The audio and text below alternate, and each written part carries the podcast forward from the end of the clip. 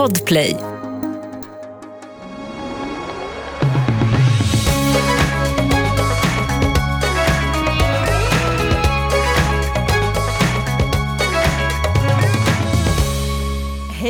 Välkommen till ett nytt samtal om böcker med mig Lisa Tallroth och med en långväga gäst, Shelley Reed från Colorado, delstaten precis mitt i USA som till största delen fylls av de klippiga bergen.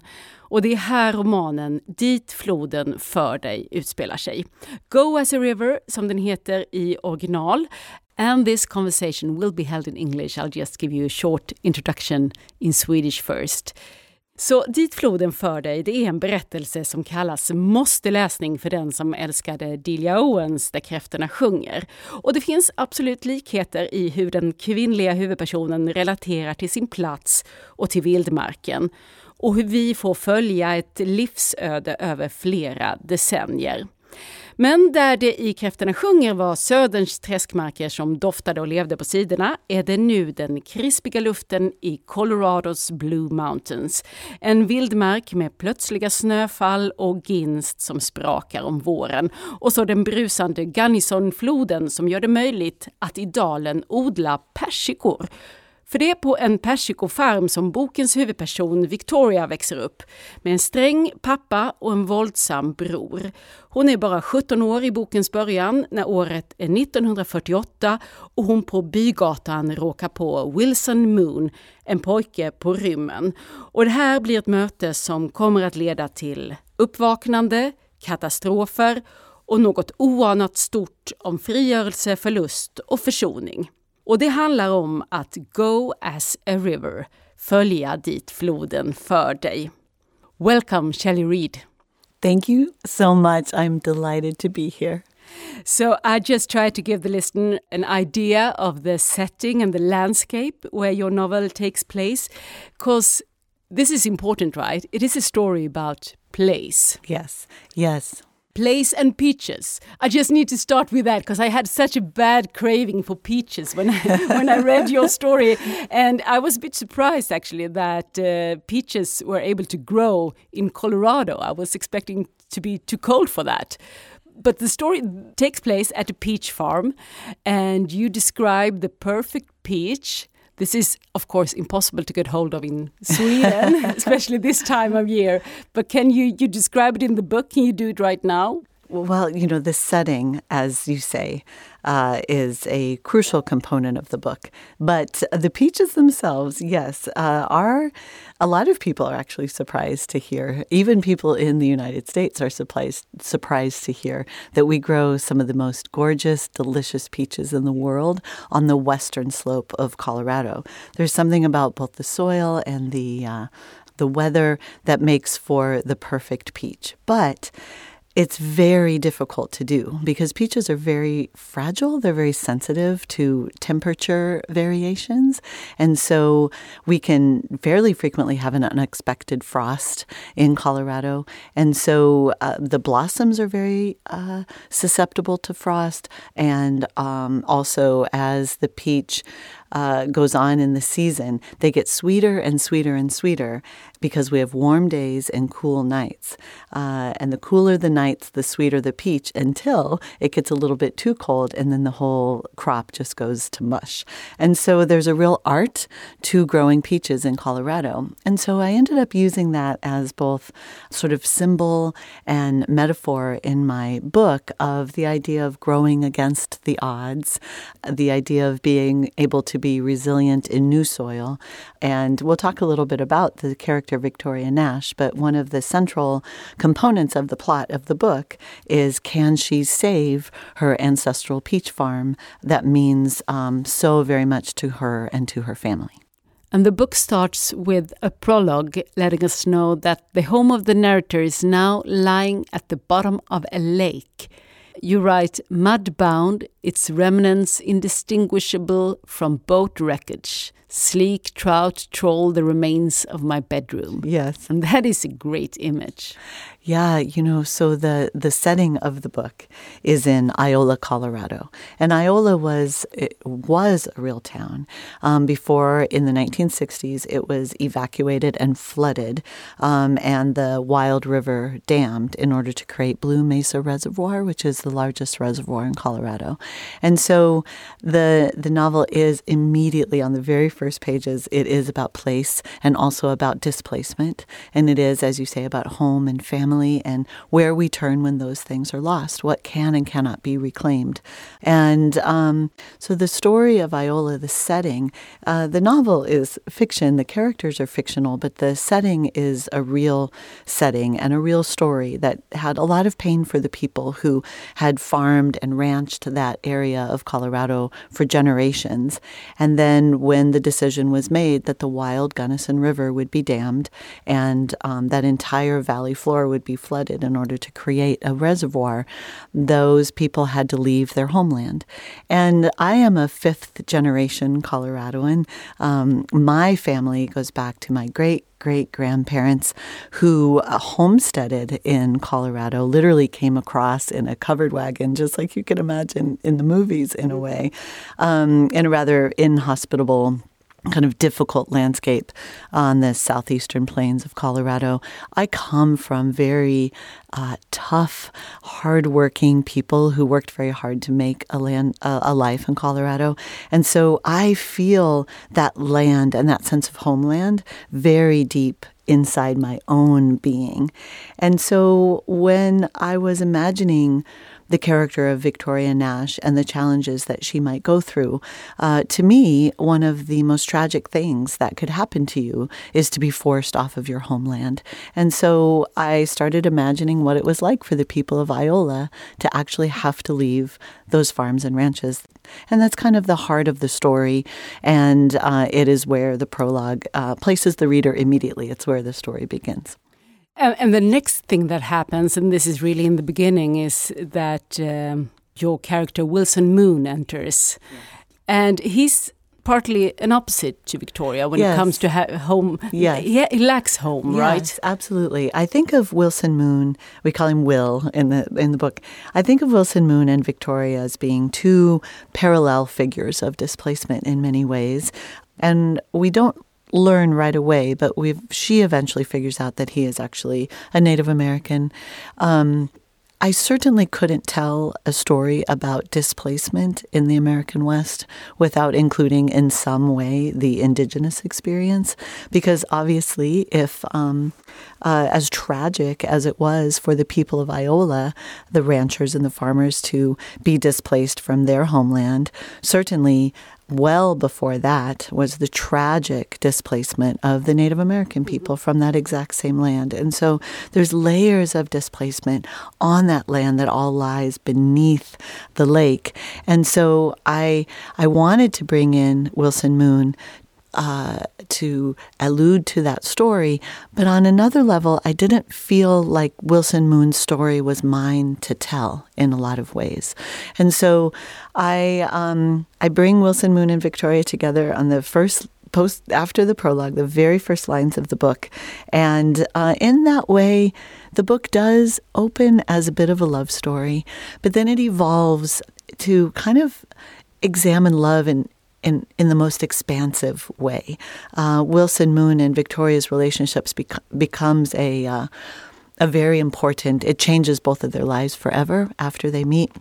But then the book expands into not just love of these two young people, but love of the land, love of self, love of, of the peach orchard, and so Wilson Moon, who ancestrally would have been more tied to the land even than Victoria, that the land meant everything to his people, but because he had been his ancestors had been displaced over and over again and then will literally pulled away from his family. And so in a lot of ways wilson moon is the character who is sort of now too quote unquote white to mm-hmm. go back to his reservation but still too indian to fit into white culture. And so basically he becomes a child of nowhere. Um, so Victoria Nash is very rooted in her place. Wilson Moon is sort of denied that ability to be rooted in a place. And I then I don't shy away from the racism that that informed that entire situation for Will, but also that he ended up facing. I would certainly would never say that the general, all of the people in Iola, Colorado were racists, but certainly in 1948 in rural Colorado, I think there was a lot of inherited prejudice. And so I didn't shy away from the racism in the book. I thought it was important to include that. Yeah, but and although this takes place in a historical setting, it's from the 40s up to the 70s. I couldn't help but thinking about the today's situation of migrants and so many people in exile or within migration. I mean, is this uh, written uh, to that uh, backdrop? Yeah, you know, I ended up channeling so many of the things that I care most about into this novel. Not intentionally from the beginning, but um, we can talk a little bit later about how long it took me to write this book, which was a very long time. And over time, as the characters really revealed themselves to me and as the story became more clear, um, that's where sort of the depth and the heart and soul of the novel evolved. And I found myself just pouring into it the things that really matter the most to me. Place certainly matters so much to me. And then and then by association displacement. And so you know, of course, this uh, the pain that we see in the people of Iola having to lose to leave their land. Um, that is a very common human story. Mm. People being forced off of their land in a wide variety of ways, and I, I think it is one of the most fundamental human sadnesses where you can't stay where your heart wants to stay. And um, by telling, I think, the very human story through these characters, maybe it'll give people more compassion um, for those certain situations. Yeah. Ett poddtips från Podplay.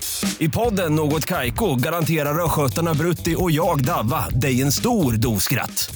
Där följer jag pladask för köttätandet igen. Man är lite som en jävla vampyr. Man har fått lite blodsmak och då måste man ha mer. Udda spaningar, fängslande anekdoter och en och annan arg rant. Jag måste ha mitt kaffe på morgonen för annars är jag ingen trevlig människa. Då är du ingen trevlig människa, punkt. Något kajko, hör du på podplay. Därför är gardinerna. And the place specifically in this uh, novel is Colorado and the the Blue Mountains, uh, which is part of the Rocky Mountains. The Rocky Mountains. Tell us a little bit about this place because it's also your place, right? It is very much you, my and, as place. you said, your family yeah. and yeah. what's your surroundings like? Oh my goodness! At home, yes, it's very much about my place. So most of the novel is set in the Gunnison River Valley, which is my valley. Um, I have made my home there. At I live at 2,800 meters elevation, high in the Rocky Mountains, and um, that wild landscape it really just means everything to me. I um, love to, you know, hike and climb big mountains and rock climb and ice climb and ski and and all of the things that you can imagine um, would really define life at that elevation high in the Rocky Mountains.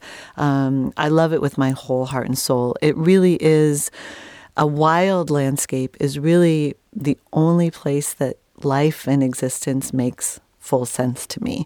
And I have learned my best lessons about myself and about how to live my best life in those landscapes. And so, as I'm telling Victoria's story, it was very natural for me to, yes, at, at, one point in the book, I, I sort of cast her out into the wilderness and she, she has to survive there. But one of the reasons I did that is that I know how instructive a wild place can be. It can teach us humility. It can teach us empowerment. It can teach us how how strong and capable we really are. And so, yeah, I, I really love the portions of the novel that are set in the wildest landscape. That was actually the easiest part of the book for me to write because I have been in that landscape my whole life. I've been attending to the detail of that landscape and have been writing about it in my journal or in whatever way. Uh, so yeah, I, I, think it is one of the, the strengths of the book, and I think it's one of the things that, that sets it apart, maybe from other novels. And surprisingly, this is your debut yeah. novel, uh, but uh, you make this debut out of a very long experience with writing and also teaching in, within literature and creative writing. Yeah, yeah. So my journey to publishing this novel is has been long. Uh, I set out to be a writer as a child. I knew absolutely as a child and as a young woman that I was meant to be a writer. At the at my university, I studied creative writing and literary studies and also journalism. I went on to do an MFA, uh, Masters of Fine Arts in creative writing. As a young woman, I knew this was what I was going to do.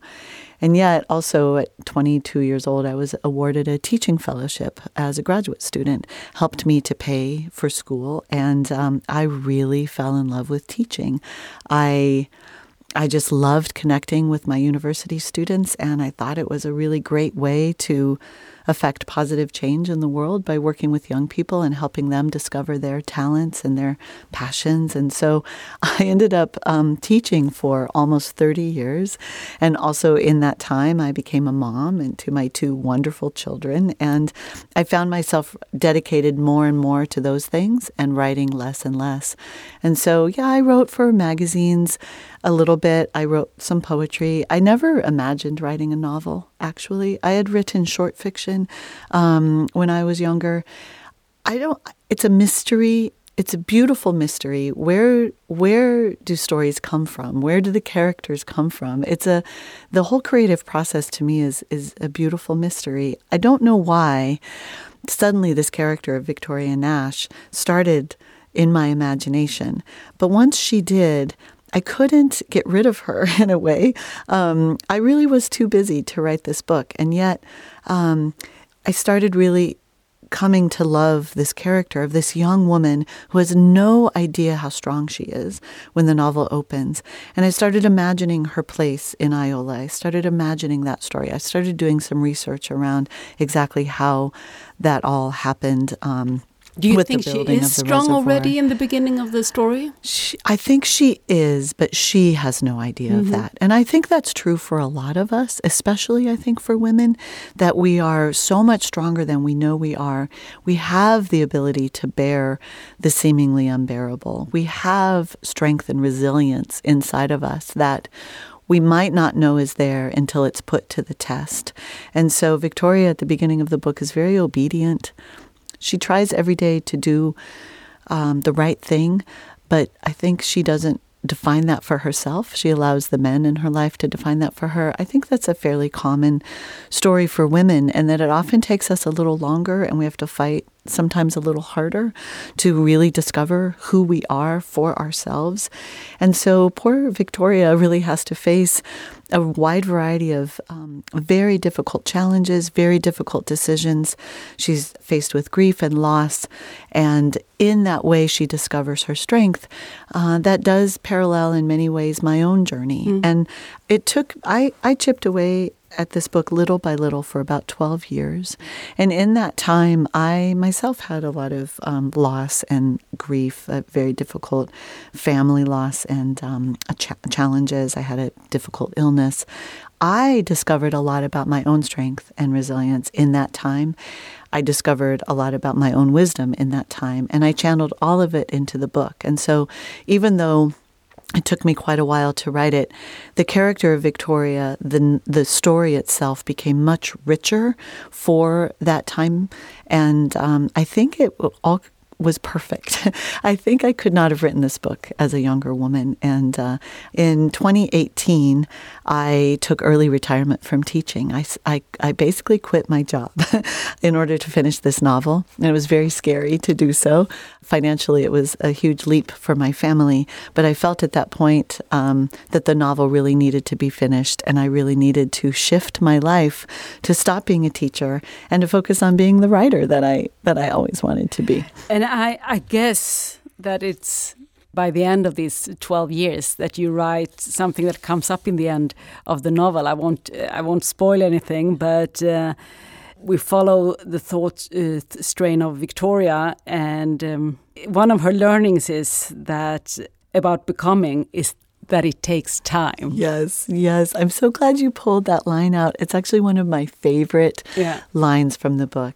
It's simple and yet to me it's it's an idea that that um, maybe someone can understand as an idea, but you don't really understand it until your own life, your own becoming, takes the time that it needs in order to truly discover who you are. So, yes, the thing I learned most about becoming is that it takes time.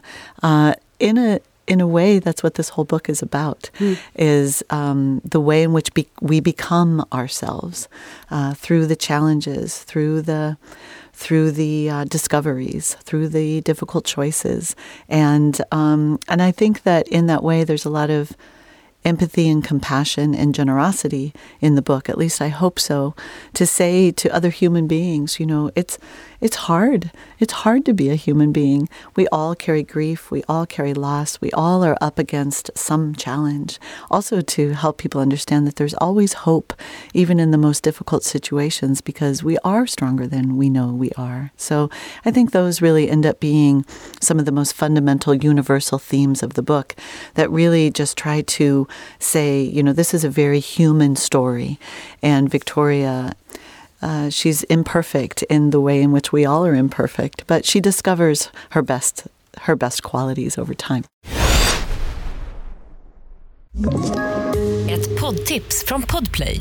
I fallen jag aldrig glömmer djupdyker Hasse Aro i arbetet bakom några av Sveriges mest uppseendeväckande brottsutredningar går vi in med hemlig telefonavlyssning och, och då upplever vi att vi får en total förändring av hans beteende. Vad är det som händer nu? Vem är det som läcker?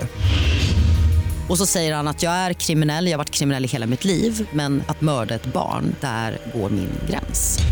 Nya säsongen av Fallen jag aldrig glömmer på Podplay. I'd like to go back to what we talked about in the beginning about the importance of place, because you just, am I right that you just come back from a workshop in uh, Florence, yes, Italy? Well, yes, um, that I, I, read about on your webpage. Yes, it sounds yes. like the most wonderful thing. you have you have conducted yes, it, right? Yes. So I I write, I teach a lot yeah. about how to write about place. Just want to tell everyone the name of this workshop because it was writing on the threshold. Uh, what did I? Sorry Writing on the threshold, att skriva på tröskeln in Swedish. Exploring the intersection of self and place. Yes, alltså right. att undersöka korsningen mellan jaget och platsen. So this this is pretty much what your book is about, yes, right? Isn't it though? Yes, I and it could be taught. Where do you start if you want to if you want to investigate your uh, connection to the play between self and place? Yes. Well, interestingly, I think we all have it. So I have it rather uniquely and particularly deeply because I am five generations um, from one place. So I'm I value that. I think I have it very deeply. But everyone I talk to, even people who move around a lot and don't have a sense of ancestry or of homeland. Almost everyone I know has a place in their life where they feel most comfortable, where they feel most alive, somewhere that means so much to them. A physical place. A physical place, yes, a physical place. I am speaking of a physical place. And so when I teach writing workshops or when I was teaching my university students writing about place, some of them would tell me, oh, you know, I've, I've moved all over, I don't have that. But after a bit of conversation, I find out, oh, no, you do have that. I think it's very fundamental to human existence that um, you know, Victoria says nothing matters so much as where you come from, um, and that might be true for some people, um, but other people it, maybe maybe it it just matters where you feel connected. You know where you feel connected because I think you can learn a lot about yourself when you call up your most sacred places your places that you love so much. The next question for my students always is, okay, well, let's unpack that a little bit. Why do you love it so much? What does it feed in you? What does it ignite in you? And um, some of my students' best writing comes from tapping into that that deeper place in, inside of themselves that is connected to a place in the world. And it's interesting teaching that um, uh, for people who are visiting a place because when when you're new to a place or when you're just a, a traveler, you know, some aspects resonate with you more than others, or when you're traveling, some places really get into your heart and others not so much. And I love to ask the question of, well, why why is that? Um, and uh, it really does create some really rich writing for my students, usually around clo- careful attention to detail, which is, I think, what people really like about the the uh, the wilderness and the nature writing in the book is that I can evoke the the very unique and tiny and specific details of my landscape, and I try to encourage my students to see in a very careful way the details of uh, of place that matter to them. And no two students will see a place in the same way, which I really love that as well. You write about the wild nature in a historical setting. I mean, it's not that long ago, but still, you also write about how the landscape changes due Yes. to this um, building of the the, the dam. Uh, so, would I experience the same kind of landscape if I came to the Blue Mountains today as the ones you, you describe in the in yeah, the novel? you know, thankfully you would. And I think that's a real testament to the preservation efforts in my valley. Uh, I am not unique in my passion and love for wild landscapes. We are lucky enough to have a population who have fought really hard to try to preserve um, the wilderness. And also, it's actually a very unique partnership in some ways between the ranchers, the the people who have been cattle ranching that land generationally for you know hundreds of years, a couple hundred years, um, who it was very important to those ranching families to keep those ranches uh, as big open spaces as opposed to condominiums for this ski area. Um, and then also environmentalists who can be thought of as more um, kind of hippies and uh, people who uh, who are tree huggers and that type of environmentalist generally uh, is a different kind of person than a rancher who can be a little bit more of a of a conservative person politically. But we have a very unique partnership in our valley where those two uh, groups have come together to try to protect as much land as possible. And the Big Blue Wilderness, which I talk about, we have Blue Mesa Reservoir, we have Big Blue Creek. That whole area was designated as a wilderness area. It's called Uncompahgre Wilderness now in honor of the Ute Indian people. But that land is uh, untouchable. It is it is wilderness area that you can walk through, but you can't do anything else to it. So yeah, it actually would look exactly like um, it did when Victoria was there. The Blue Mesa Reservoir, on the other hand, it still remains rather controversial. And interestingly, um, the reason for that reservoir was for uh, we had many reservoirs made in the American West in the 1950s and 60s because really there was not enough water to develop the the American West to the degree that we that we have, and so a lot whereas the wild landscape that you ask about has remained very much wild and very much the same that it's always been. Um, there's a controversy around should the the gunnison river have been dammed in the first place? And um, so a lot of people see it as just a beautiful lake but it really is a choked river. And um, someone asked me or pointed out in one of our meetings that the wild river will eventually reclaim itself, that wild rivers will outlast the dam. You know, the dam currently is very strong and the and the Blue Mesa Reservoir is, is very wide. But, you know, 100 years from now, 200 years from now, who knows? Uh, they pointed out to me not to worry that geological time and the earth has its own time frame and that the river will probably outlast the dam. And I had never thought of it in that in those terms, but it really does show you the, the power of wilderness. Yeah, Yeah. it's comforting. Yet, uh, what starts off as a disaster for uh, Victoria, Yeah. It actually in the end turns out to be maybe her saving. Yes. The fact that she um, needs to move. That's right. You know, it was so interesting because doing the research for what was the story of Iola, what did it feel like for those people? What I found for most of them is it was heartbreaking. It was a, a terrible tragedy to to have to leave their land um, because of circumstances that we won't reveal because we're trying to avoid spoilers. Victoria is in a unique moment in her life where she there's a line that says she longs for erasure. She wants to go. And um, I kind of wanted to tell that story because I thought the easier story would be the story of the heartbreak. But what would compel someone to want to leave their homeland? That was a, a story that I wanted to tell through Victoria. And um, readers will just have to Yeah. have to wait and see. But also, then she has the challenge of she wants to leave, but she will not leave the peaches. So And she learns how to go as a river. yeah, she learns to go as a river. So the title of the book really becomes the primary metaphor of the book. Uh, Wilson Moon says to Victoria early on that he will go as a river. And she sort of pretends that she knows what that means, but she has no idea what that means.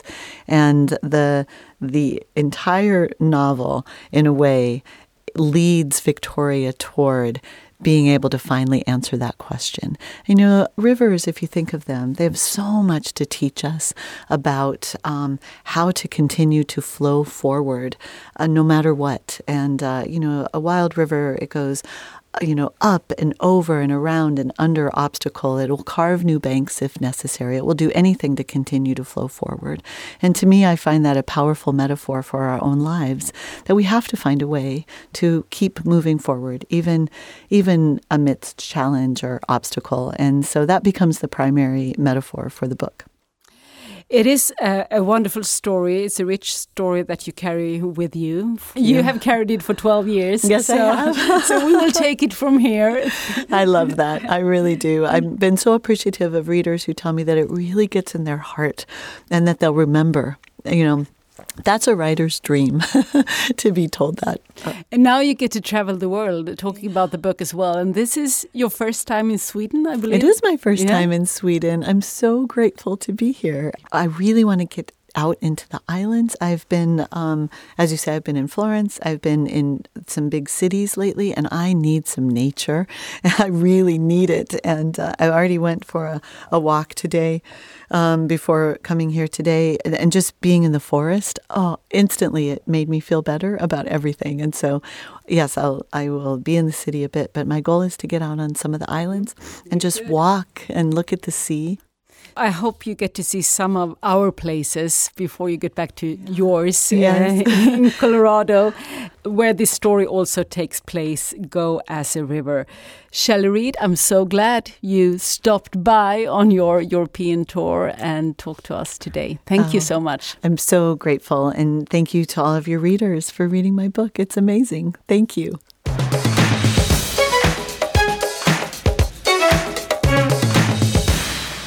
Komna så här långt i avsnittet Samtal om böcker så tänker jag att vi har med oss den som gillar de här böckerna, Dit floden för dig Eh, där kräftorna sjunger som vi också kommer att prata om i början. Och Johanna Stenius, eh, det var lite det eh, uppdraget du fick också, att hitta fler böcker som kan passa oss som gillar de här. Ska vi säga att det är coming of age-böcker? Ja, eller liksom hitta sig, inte bara coming of age tycker jag, utan hitta sig själv kanske. Starka kvinnoöden. Kvinnor som hittar sig själva, ibland genom svåra umbäranden kan man säga så, som också ofta har en stark koppling till naturen. Tycker jag att, att Kräftorna sjunger har och jag tycker ju också att eh, Dit floden för dig Själva grundtemat har ju väldigt mycket med naturen att göra och hon lever ju ensam i naturen. Så den har ju också med det att göra. Så jag tycker de, och vi får mycket frågor på Selma Stories om just tips på sådana böcker. Folk älskar ju dem och det finns ju verkligen en hel massa superstarka eh, böcker som har lite liknande tema som jag gärna berättar mer om. Mm, för du är ju Ehm, redaktör på Selma Stories. Det Exakt. var jag kanske inte tillräckligt tydlig med. Nej men nu sa jag ju det. Och du har ju alltid så himla mycket bra boktips. Så få höra vad du har med dig idag då. Mm, ofta när folk frågar mig om tips på just, på just den här typen av litteratur så brukar min allra första författaren jag kommer på brukar vara Kristin Hanna. Blivit eh, otroligt starka, hennes senaste titlar som har kommit på svenska. Och de två är De fyra vindarna och Himmel över Alaska. Båda de är helt fantastiska romaner eh, med väldigt starka och ofta väldigt brutal handling. Men som ändå har ett inkapslat ljus kan man kanske säga någonstans. Den fyra vindarna, den handlar ju om torka, en kvinnas eh, kamp i skuggan av en stor torka, naturkatastrof som hände på 1930-talet. Och den är eh, mörk, verkligen, och dramatisk och helt omöjlig att lägga ifrån sig. Och den andra, Himmel över Alaska, det är en, eh, om säger, en lite mer episk roman som handlar om ett, ett helt liv. En, en tjej som är 13 år när romanen börjar med att flytta med sin familj till Alaska på grund av att hennes pappa helt enkelt är väldigt impulsiv och bestämmer det och satsar på ett liv mitt i den väldigt dramatiska och ganska vilda natur som är där. och handlar om hennes liv. Helt fantastisk roman och man vill verkligen åka till Alaska, kan jag säga, ända sedan jag läst den. Ehm, jag tror det är min favorit av Kristin Hannas böcker. Den är helt otrolig. Det är en del från USA, just den här typen av kvinnor i vildmarken. Ja, eh, ja men det som finns det kommer verkligen. böcker i den genren. Kvinnor i vildmarken. Mm. Jag har en till eh, här, Kvinnor i vildmarken, fast det är i Kanada. Och det är en bok som heter Coyote av Gabriel Filtoshiba som eh, ganska nyligen kom ut på svenska. Den handlar ju just också om det, om, den handlar om Rafael som är viltvårdare och eh, lever i en husvagn ute i skogen i Quebec. Och hennes liv och hennes grannar som ju är vilda djur. Och hon hamnade i kamp med en tjuvjägare Otroligt dramatisk bok, helt fantastisk läsning för de som gillar just Där kräftorna sjunger skulle jag vilja säga. Och dessutom är författaren ett väldigt spännande liv. Hon har själv eh, lämnat allt för att flytta ut i skogen. Så det finns en stark verklighetskoppling i den här boken som är spännande att tänka på när man läser. Så den vill jag också varmt tipsa om, apropå då leva i vildmarken. Coyote av Gabriel Filto Shiba. Och den tredje jag eh, ville tipsa om tycker jag inte kanske lika mycket stark koppling till naturen, men stark koppling till det här eh, vildmarken och det hårda livet och umbäranden och väldigt samma typ av stämning tycker jag, lite som Edith Floden för dig. Och det är ju allt jag fått lära mig av Tara Westover, som eh, ju har varit enormt hyllad över hela världen. Många har säkert hört talas om den. Och den eh, handlar ju om författaren Tara Westovers egen uppväxt, där hon i en sektfamilj ja, det var en helt onormal uppväxt där hon helt enkelt skulle förbereda sig för domedagen istället för att gå i skolan. Och eh, att det är en verklig berättelse gör det förstås ännu mer spännande men man blir också väldigt uppslukad av hennes öde som av en, av en roman. Och jag tycker också att den har mycket som liknar i tema och stämning det som finns i Deftfloden för dig, just det här med att vara som isolerad i sin familj och tvingas lämna den och sådär. Jag tänkte också på, om man kommer med ett till mm. tips nu, eh, Dit du går följer jag av Lina Nordqvist, har jag tänkt på i relation till det här som en svensk, liksom också eh, kvinnoöde, när man får, liksom, ställs inför det svåraste och får klara sig själv och sådär.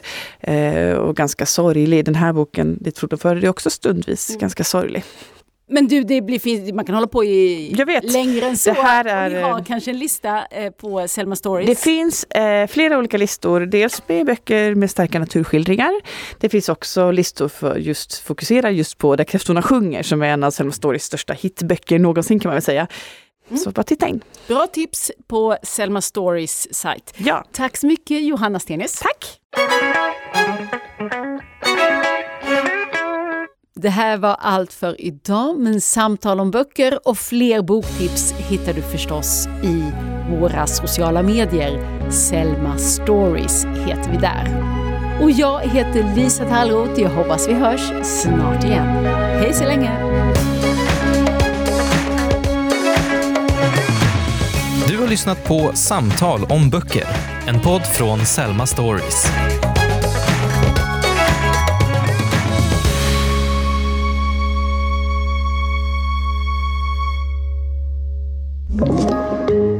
Podplay. Ett poddtips från Podplay. I podden Något Kaiko garanterar östgötarna Brutti och jag, Davva, dig en stor dos skratt. Där följer jag pladask för köttätandet igen. Man är lite som en jävla vampyr. Man har fått lite blodsmak och då måste man ha mer. Udda spaningar, fängslande anekdoter och en och annan arg rant. Jag måste ha mitt kaffe på morgonen för annars är jag ingen trevlig människa. Då är du ingen trevlig människa, punkt. Något kajko, hör du på podplay. Därför är gardinerna.